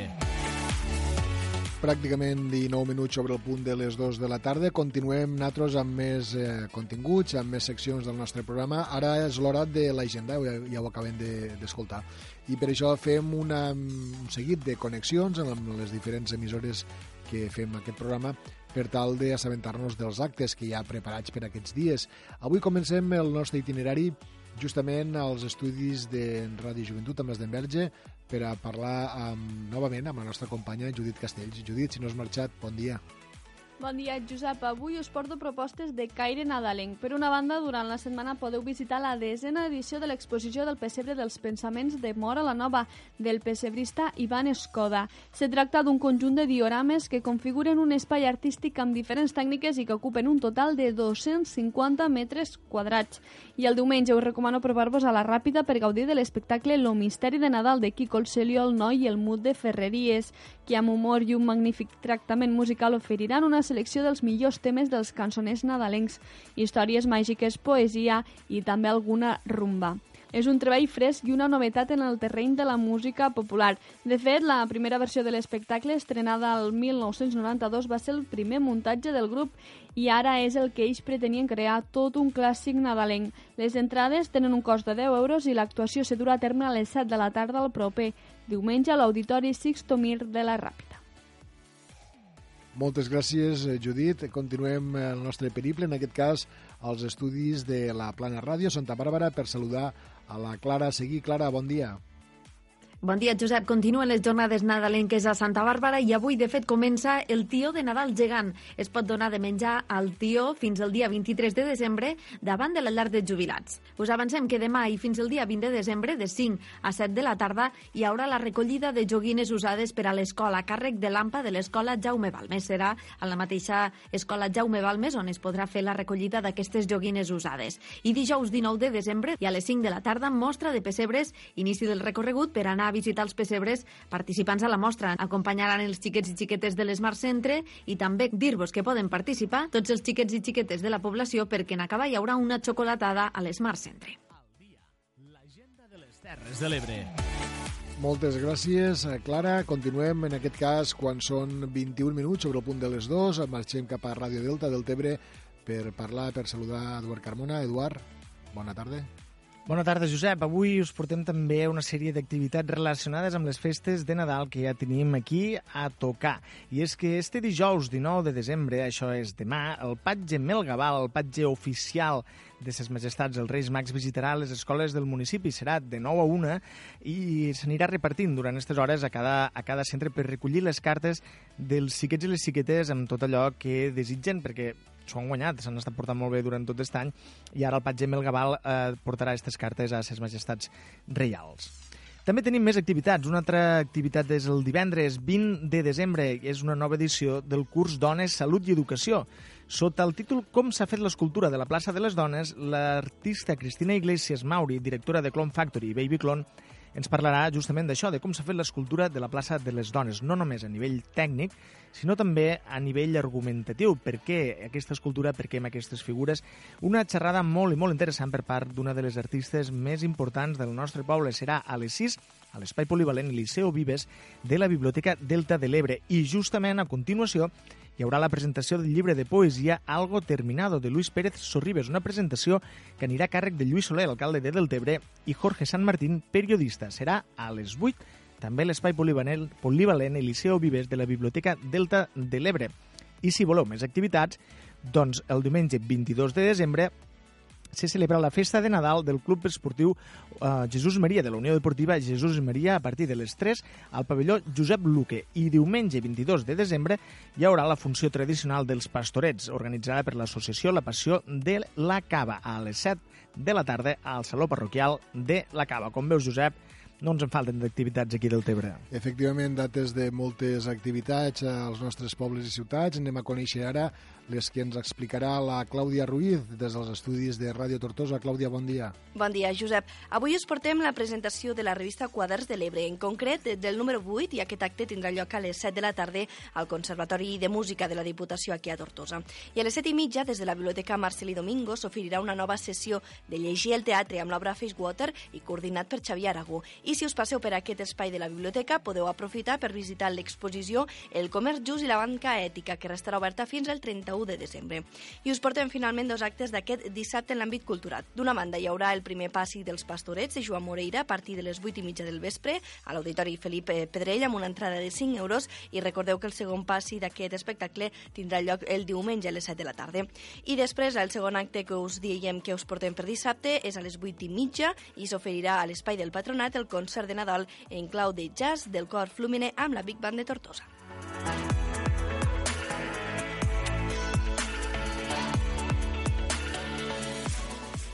Bé, i fins aquí l'espai de l'agenda. Nosaltres ara farem un interval musical per arribar eh, just al punt de la mitja, també tenim la desconnexió publicitària, i tornarem després amb més continguts. Hem d'anar de poble en poble, la secció que tenim de poble en poble. També hem d'escoltar el nostre coach particular, a Joan Agustí Ramírez, que ens parlarà d'alguna temàtica força interessant i, evidentment, fer el darrer repàs a l'actualitat demà de la mà dels eh, diaris eh, digitals, de les edicions digitals de diferents diaris.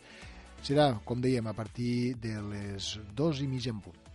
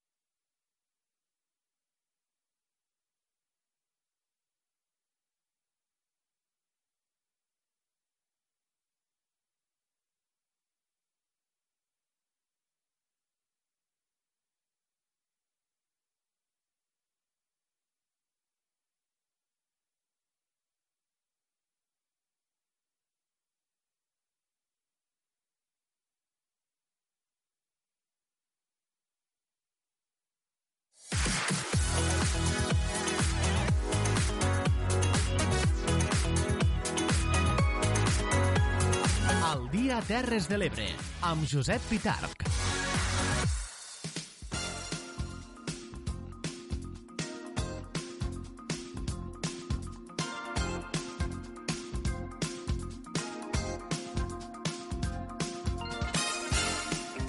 Sintonia dels Spyro Gira quan són les dos i mitja en punt que ens ve a recordar aquesta sintonia que hem d'anar de poble en poble.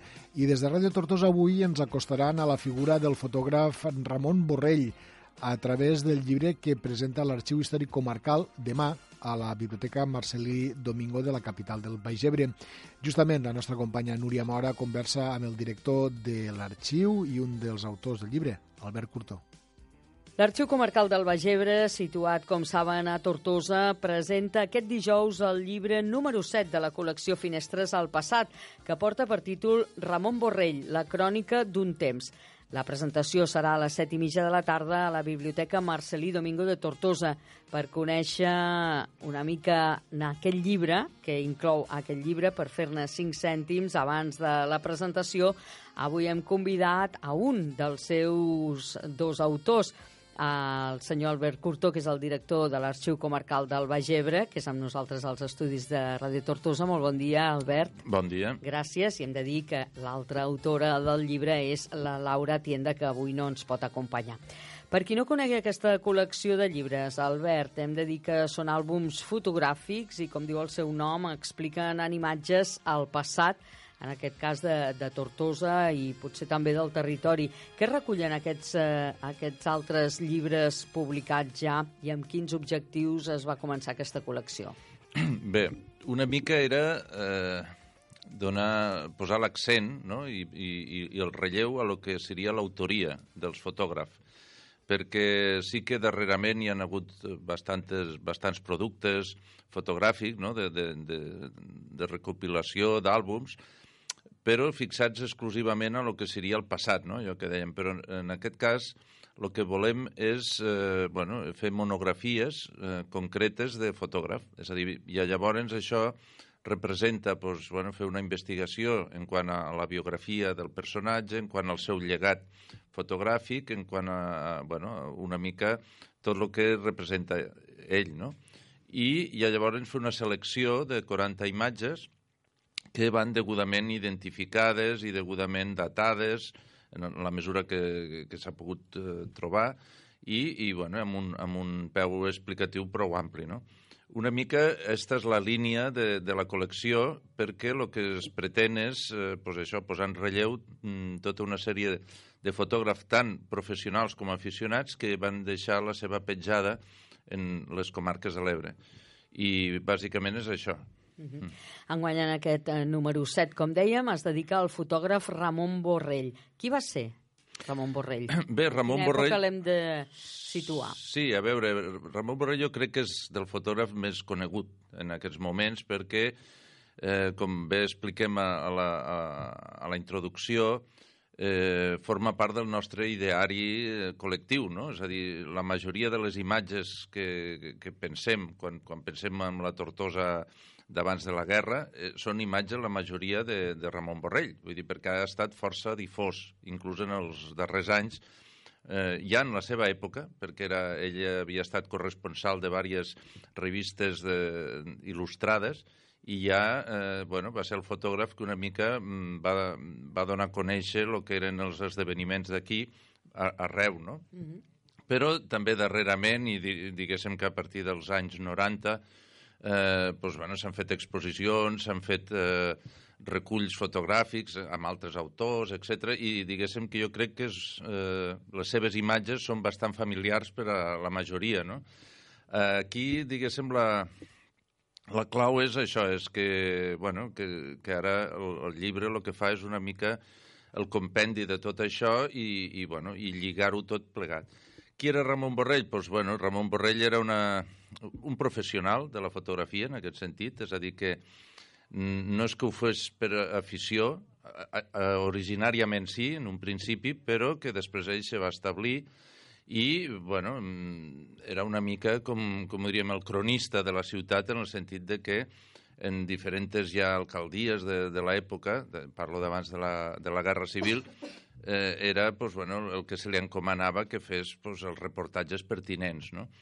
Eh, la, la singularitat d'ell és que eh, la majoria dels fotògrafs d'aquell període eren fotògrafs d'estudi, no? que la gent pues, anava a fer-se les fotografies pues, aquelles que, que se feien pues, en els casaments o en moments determinats, eh, als estudis. Ell també ho va fer, però no és mm, lo més eh, emblemàtic d'ell, sinó que és justament que va sortir al carrer amb la seva càmera i, i llavors eh, bueno, perpetuava els, els, de, els diferents esdeveniments que passaven a la ciutat. I, per tant, entenem que és eh, el primer fotògraf reporter de la ciutat, no? el primer fotògraf que, que a més a més, doncs ja dic, mm, les seves imatges, després ell les venia a, a revistes com l'Actualitat, com La Hormiga de Oro, i, i apareixia pues, pues, bueno, allí fotografiat esdeveniments de Tortosa. Mm -hmm.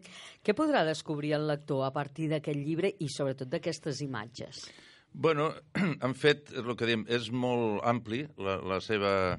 mm, Bueno, de, tot el seu llegat. Pensem que a l'arxiu en aquests moments tenim 3.000 plaques de vidre no? de, de, de Ramon Borrell i moltes altres que s'han perdut que, i que no, no han pogut no, no, no, no s'han perpetuat fins avui en dia i llavors han fet una selecció molt específica, és a dir, eh, sí que ell va tocar temes, per lo que dèiem, des de fotos d'estudi, fotos artístiques, fotos de, de grup, fotos, per exemple, molt de, de patrimoni, no? de, se li encomanava, doncs, per exemple, les imatges de, del tresor de la catedral, eh, de, imatges de, de diferents edificis, de, de carrers, etc.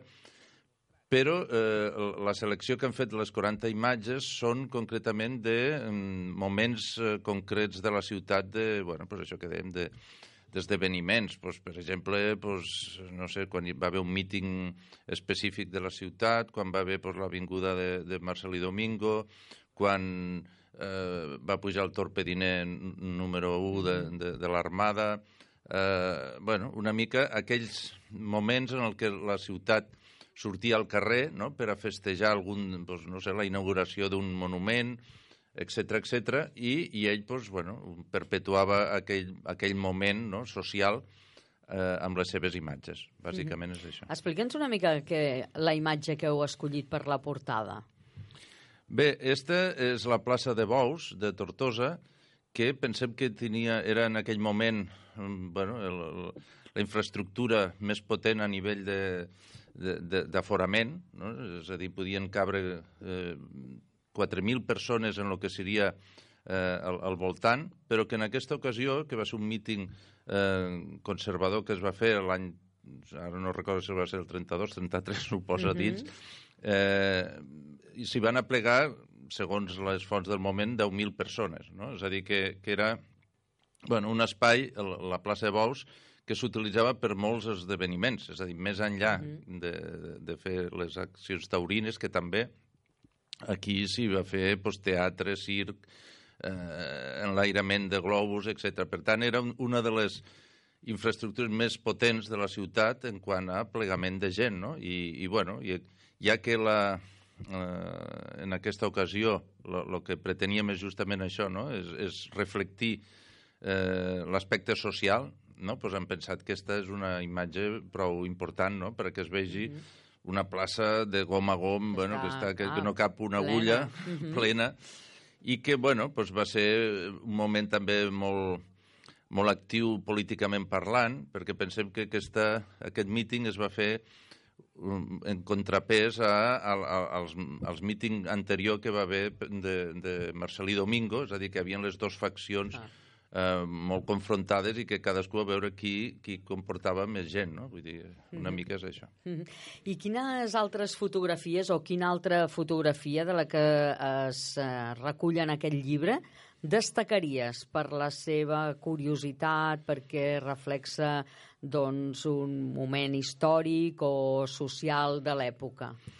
Hi ha diverses. Eh, això ja és molt personal. Cadascú. Jo hi ha una que sempre la trobo molt emblemàtica i que reflecteix molt un moment, que és aquella que es veu eh, l'alcalde Joaquim Bau eh, rodejat pels, un homenatge que li van fer els pagesos de, de les comarques. No? Llavors, un homenatge que li volien fer com un, un dinar, no? però que ell finalment va refusar, però bueno, van anar tots plegats a, a l'Ajuntament i es van fer la, la, la fotografia.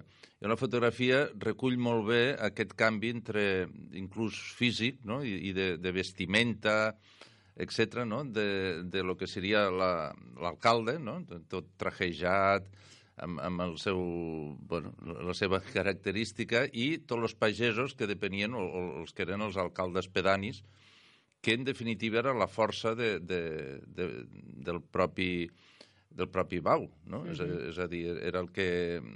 Ell se sustentava molt amb, amb aquesta política que feia vers a l'agricultura, la, a les pedanies, no? Aquí surt... Sí. Aviam, ara l'estem fullejant. Ah, sí, sí, sí. Llavors, eh, és a dir, el contrast entre ell i, i la resta, doncs, bueno, a vegades inclús eh, aquesta imatge que és prou eloqüent i prou significativa per si, no? és aquella que eh, bueno, s'ha utilitzat inclús a vegades com un element pues, de lo que podia representar aquell uh -huh. tipus de política de, de l'època. No? Uh -huh. Una imatge del 1928, eh? Sí, Estem... sí, sí. Eh, eh, quina, quina època abarquen les imatges que surten al sí, llibre? Sí, de principis, principis del segle XX, és a dir, ell, alguna imatge sembla que finals del XIX, però no l'hem inclòs, i, i bàsicament entre els anys 10 i, i la dècada, entre la dècada dels anys 10 i dels anys 20. Pensem que ell va ser el que diem el fotògraf oficial en, en el període de, de Joaquim Bau i per tant doncs, estem parlant de, de la dècada dels anys 20, quan, quan, quan va fer més, més fotografies. Passada la guerra va estar contractat per regions devastades i també va ser un dels fotògrafs que, que va retratar una part de la destrucció de la ciutat i bàsicament la reconstrucció per... eren aquelles fotografies una mica de publicitàries que feia regions devastades i ell també va, va estar. Ja dic, era un fotògraf Però aquí no professional. Eh? En no. aquesta etapa aquí no Només s'inclou. n'hi ha tant... una imatge dels anys 40. Només uh -huh. n'hi ha una al final de tot. No? Per tant, aquí el que es veu principalment sí, és dels com anys era 10, la dels anys 10 i els anys 20. abans sí. de la guerra, eh? Sí, sí, I anys 10 i anys d'actes 20. socials, polítics Molt bé, sí, sí. i diversos. Eh, es va valorar el seu treball en vida d'aquest eh, autor o ara té més valor per precisament per això, perquè podia, podem saber com era No, jo crec que és, justament és un autor que va estar molt valorat en vida, molt. És a dir, que ell inclús tenia el que ell en dia una galeria de, iconogràfica que era que, conscient ja de les seves imatges, eh, bueno, se venien, no? Per exemple, pensem que les grans obres, o bueno, les obres així fetitge, no? Com pogués ser el folklore tortosí de Moreira o, o les espurnes de la llar de, de, de, de Vergés Pauli, utilitzen imatges d'ell. Pensem també que les, les eh, revistes com La Suda, revistes com, jo que sé, La Reparació, etc., totes les del moment, utilitzen fotografies de Ramon Borrell. És a dir, que en el seu moment hi ha una persona mm, que estava molt, eh, tenia en compte i tal.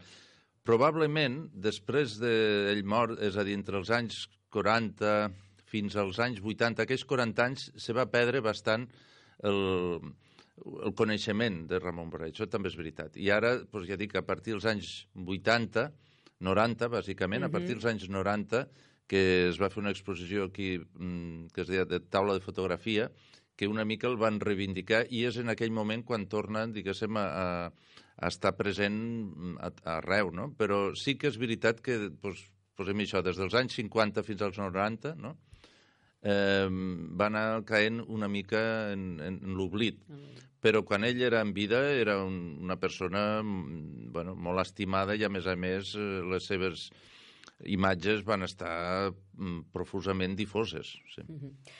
Continuarà la col·lecció? De... Perquè suposo que el fons fotogràfic de l'arxiu és important. Sí, continuarà. La nostra idea és que sí, és a dir, és un acord que tenim amb, amb editorial Onada, i ells se'n fan càrrec de l'edició i de la distribució i, i des de l'arxiu el que fem és eh, bueno, buscar totes les imatges, buscar fer la investigació i fer el llibre, en, en definitiva. Uh -huh. no? És un acord aquest. La idea és que sí, és a dir, que això encara hi ha molt, hi ha molts fotògrafs i, i bueno, molts d'ells eh, més desconeguts, però sí, sí, sí, la, la idea és, és cada any treure un, un número fins que, fins que es pugui. Fins que s'esgoti, Sí, eh, que és que es va- molt, eh, molt gran. Mm. Eh, teniu ja, eh, suposo que ja esteu treballant en el pròxim fotògraf, no? Sí, però encara No es estem pot- als prolegòmens, no podem encara No dir... podem perquè-. No, no, encara no es pot. No Molt bé. Uh, Albert Curtó és el director de l'Arxiu Comarcal del Baix Ebre. Si em permets, a banda de la presentació d'aquest llibre com a director, eh, fa poques setmanes vam conèixer aquesta pròrroga per, eh, que va fer el Bisbat amb aquest acord amb la Generalitat, el Consell Comarcal per, eh, pro, com a sessió mm, de la seu de l'arxiu durant cinc anys més. Eh, són cinc anys que suposo que s'han de buscar solucions per part de les administracions implicades per ubicar l'arxiu comarcal del Baix Ebre. Eh, suposo que això passarà per estar en un nou emplaçament si no canvien els acords. Eh, com, quin és l'estat actual de l'arxiu? Eh, sé que es van fer millores fa relativament poc, però eh, ara per ara aquí es necessita un emplaçament nou? A veure, aquí hi ha dos temes. Hi ha, eh, hi ha el tema doncs, bueno, que l'edifici mm, té un titular i el titular ha marcat uns terminis. Per tant, bueno, això, això crec que Que- passa que- en primer terme. Vull dir, Sí, sí, sí. Si fos o no fos el lloc adequat, doncs, bueno, s'ha de complir això. I llavors, aquí, com bé deies, les administracions doncs, bueno, han de prendre bueno, fil, i posar fil a l'agulla, no? han, de, han de veure exactament què cal fer i bueno, això. Independentment d'això, sí que és veritat, i nosaltres des de fa molts anys Sí, però ja és un tema avançat, que ja sí, se'n parla de fa molt de temps, Hi ha un tant. problema de, bàsicament de capacitat. És a dir, sí que hi ha altres inconvenients amb un edifici històric, no? però el, el, el, el més important i crucial és la falta de, de capacitat. Llavors, pensem que l'arxiu comarcal, una de les seves eh, funcions eh, ha de ser la d'encabir tota la documentació eh, pública, per exemple, de la comarca. No? I amb això m'estic referint, mm, per exemple, hi ha molts municipis de, de, de la comarca del Baix Ebre que, tot i que ens ho demanen, no poden encabir la seva documentació aquí, perquè no, i l'únic que tenim és de l'Ajuntament de Tortosa, però, Mhm. clar, és un arxiu amb competència comarcal. Per tant, eh, això sumat amb altres fons públics que han d'acudir a la- a l'arxiu i que no podem donar aquest servei per manca d'espai, clar, això s'ha de solucionar. I l'edifici actual eh, no es permet perquè bueno, doncs és un edifici mm, bé cultural d'interès nacional, no es pot fer segons quines coses, per tant, bueno, això és un, un problema que s'ha de resoldre, està clar. No, no. Bé, en tot cas, avui hem parlat d'aquest llibre, bàsicament, d'aquest llibre Ramon Borrell, La crònica d'un temps. Hem conegut una miqueta aquest fotògraf de Tortosa i el podem conèixer molt més en profunditat a través d'aquesta publicació donada edicions, de la qual en són autors Albert Curtó i Laura Tienda, i que es presenta, com hem dit, aquest dijous a la Biblioteca Marcelí Domingo de Tortosa a les set i mitja de la tarda. Albert Curtó, com sempre, un plaer, gràcies. Molt bé, moltes gràcies a vosaltres. Gràcies, bon dia. Moltes gràcies, Núria, per aquesta entrevista a Albert Curto. La veritat és que val molt la pena aquest eh, llibre, eh, com també la resta de llibres de la col·lecció, unes fotos fantàstiques eh, de, mm, fins i tot de finals del segle XIX, principis del segle XX. Amb això arribem ja a l'espai de la col·laboració. Avui, eh, ja saben, avui, ja els vam avisar ahir, hem de parlar de coaching.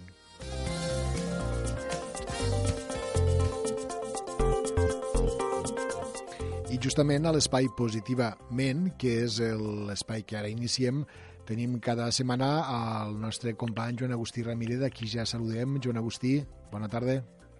Bona tarda, Josep. Eh, mira, estava pensant, a veure, a veure en què ens sorprèn avui, Joan Agustí. De, de, de què mos parlarà? pues, avui, sorpresa, sorpresa, perquè eh, quan ens hem parlat abans potser tu has pres en broma, però no, avui us parlaré de la regla de l'oso idiota. Ui, a veure, a veure, a veure. A Il·lustra, veure, il·lustramos. Eh, No, no, no, no té molt d'il·lustració, però és una, és una regla que vaig sentir explicar-la al Jorge Bucay, que jo crec que no cal que expliqui qui és, perquè és arxiconegut, psicoterapeuta gestal i escriptor argentí, que ha venut, no sé, dos, tres milions de còpies dels seus llibres, és, és molt, molt famós, I eh, la regla té aquest nom per un tema de mnemotècnia, eh? és a dir, no, no l'he traduït, he dit oso idiota expressament perquè, perquè hi ha un tema mnemotècnic dins del nom d'aquesta regla. I el que ens fa és eh, proposar-nos reflexionar sobre què fem quan hi ha una cosa que nosaltres volem molt, que la desitgem molt, que, que sentim que necessitem aconseguir aquella cosa. Sigui el que sigui, eh? pots parlar d'una persona, d'una feina, d'un d'un objecte, de, del que sigui. Mm. I llavors, el que ens planteja el Jorge Bucay, quan jo li vaig sentir explicar-ho, és dir, hem de fer la regla del oso. Hem de seguir aquestes tres coses. Quines són aquestes tres coses? Pues quan tu estàs davant d'una cosa que necessites molt, que vols molt, que desitges, la primera O el que et diu és obtenu. Pareix molt fàcil, eh? Mm. Simplement obtenu, però obtenu no només encarat el resultat final, sinó de dir, a plantejar-te eh, de quina manera et compromets, de quina manera fas tot el que està a les teues mans per obtenir això. Perquè avui dia hi ha, hi ha una llei del mínim esforç instaurada que sembla que volem coses i que les haguem d'aconseguir de manera molt fàcil i, i de manera immediata, quasi. Que ens caiguen del cel, eh? És, si, si hi ha una cosa que tu realment desitges, que tu realment vols, fins a quin punt estàs disposat a comprometre't, a fer el que estigui a les teues mans i, es, i què estàs disposat a sacrificar, perquè moltes vegades eh, aconseguir allò que vols implica renunciar a altres coses que ara mateix tens. Per tant, tu el primer que has de fer és obtenir-ho. Per obtenir-ho vol dir ficar damunt de la taula tot allò que pots ficar per a aquest resultat. Uh -huh. I em pots dir, bueno, tot i així, eh, a vegades no ho obtenim. Mira, Joan Agustí, jo això mm, ho vull, ho vull molt, ho desitjo, ho he intentat tot, ho he fet tot, tot el que estava a les meves mans i és impossible. Mm. No ho puc aconseguir. Ja passa bueno, això. Pues el que et diu si és impossible és que passes a la S, que és substituir-ho.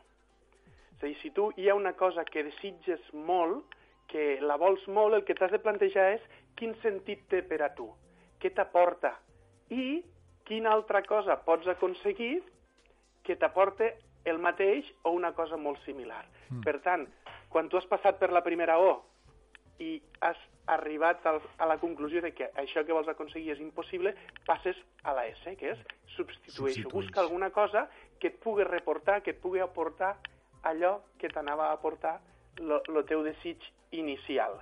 És a dir, planteja't per a què ho vols i de quina altra manera vols aconseguir-ho. Mm -hmm. I ara tu em pots dir, no, és que saps què passa? Que allò és insubstituïble.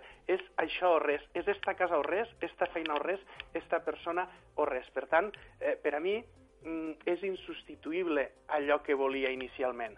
Doncs pues llavors passes a la darrera O. Mm. Perquè si una cosa, per molt que la desitges, tu no la pots obtenir perquè és impossible i no la pots substituir perquè és insubstituïble, el que has de fer és oblidar-ho. Mm. Senzillament oblida-ho. I oblida-ho no vol dir que no et vingui al cap, que no et vingui a la memòria o que desaparegui de la teva vida. Oblida-ho vol dir tenir la humilitat suficient com per a acceptar una situació concreta. A lo millor tu eh, vols eh, tenir una relació amb una persona i això no està tot a les teves mans. Tu has pogut comportar-te, intentar-ho, acompanyar, fer totes les accions que... I, i no has pogut aconseguir que aquesta persona vulgui estar amb tu. Eh? Llavors et planteges substituir. Tu per què volies aquesta persona? Home, doncs perquè vull una relació honesta, sincera, amb una persona divertida. Hi ha una altra persona amb la que pugues tenir aquesta relació? Mm. No, és que és d'estar al cap. Vale? Doncs oblida-ho. No vol dir que t'oblidis de la persona, vol dir que t'oblidis d'aquesta cosa que tu vols aconseguir. Eh, I què passa si dius, no, és que no vull oblidar-ho, és, és allò com mm, vius en el patiment perquè és algo que no pots tindre, que ho necessites, que ho vols i damunt ho tens present contínuament.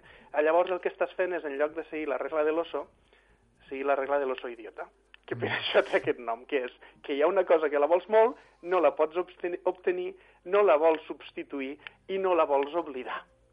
Llavors, això és el que ell anomena seguir la regla de l'oso idiota. Molt I em sembla molt interessant, perquè tot i que he explicat així, eh, sembla molt, com ho diria, molt lleuger, molt distès. Realment és, eh, és una situació que quan et poses a reflexionar una mica de profunditat, realment mm, ens posa davant d'espills que, que ens fan, ens fan mirar molt dins nostres. És a dir, quan tu realment planteges quin nivell de compromís tens per assolir un objectiu, què, és de, què estàs disposat a fer, què estàs disposat a arriscar. Quan després et planteges quin sentit té per a tu assolir aquest objectiu, quin sentit tu per a ti, eh, té per a tu canviar una feina, fer uns estudis, estar amb una persona, mantenir un cert tipus de relació, fer alguna activitat, el que sigui, eh, i, i te ho planteges de veritat, o quan tu et planteges davant d'una situació que és eh, frustrant perquè no pots assolir allò que vols i damunt sents que no hi ha res més que pugui ocupar el seu lloc. El fet de tenir el que deia abans, no? la humilitat, aquest grau d'acceptació de dir, bueno, la situació és aquesta i això ha de deixar de fer-me patir. Eh, he de poder acceptar aquesta situació i conviure-hi.